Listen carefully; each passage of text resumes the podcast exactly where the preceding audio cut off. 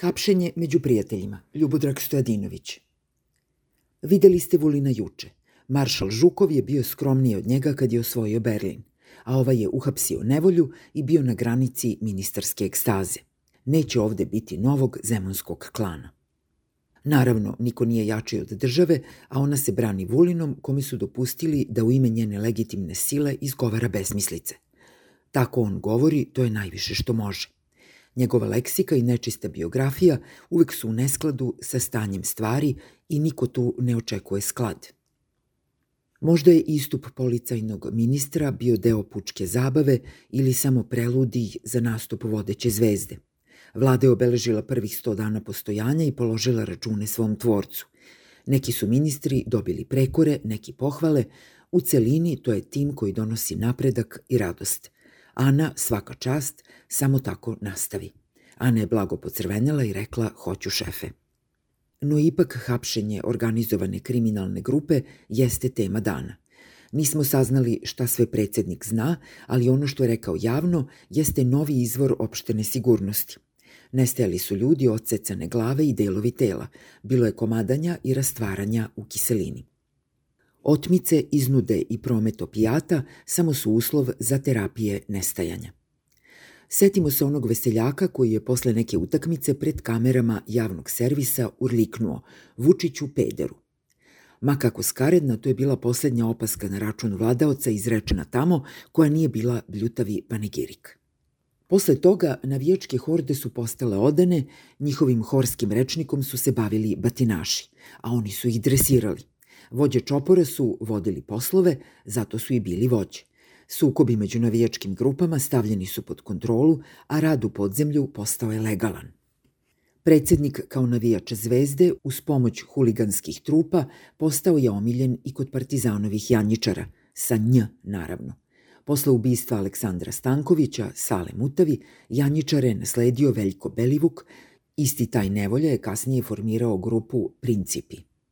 Moćna žena u MUP-u, Dijana Hrkalović, bila je prilično bliska sa Mutavim i teško je podnela njegovu smrt, kao i tadašnji ministar policije, Neša iz Beograda, kao i čitav vrh režima u ostalom. Njegova smrt mogla je da naruši rovitu navijačku stabilnost i lojalnost nekadašnjem huliganu.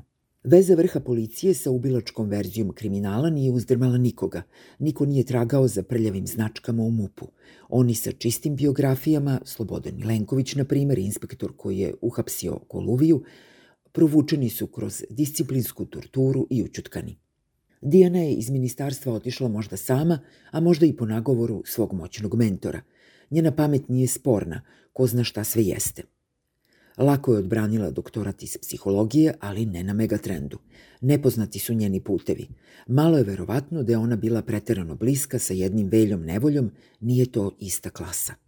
Ali po tvrdnjama vladinih tabloida našla se na istoj strani sa njim i ostalima koji su navodno prisluškivali Vučića i njegove bližnje, a navodno je stekla moćne prijatelje u vodećim crnogorskim klanovima. Radila je Vučiću u glavi, tako se tvrdi. Niko ne zna odakle dolazi i dokle seže njena moć, nastala pred razumevanjem potresne inferiornosti srpske elite.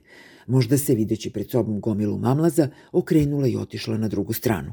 Gde je ta strana, možda ne zna ni ona sama. Ne zna se kako je nevolja od sirove snage za podršku postao smrtni neprijatelj režima. Malo je verovatno da je on vođa bilo čega.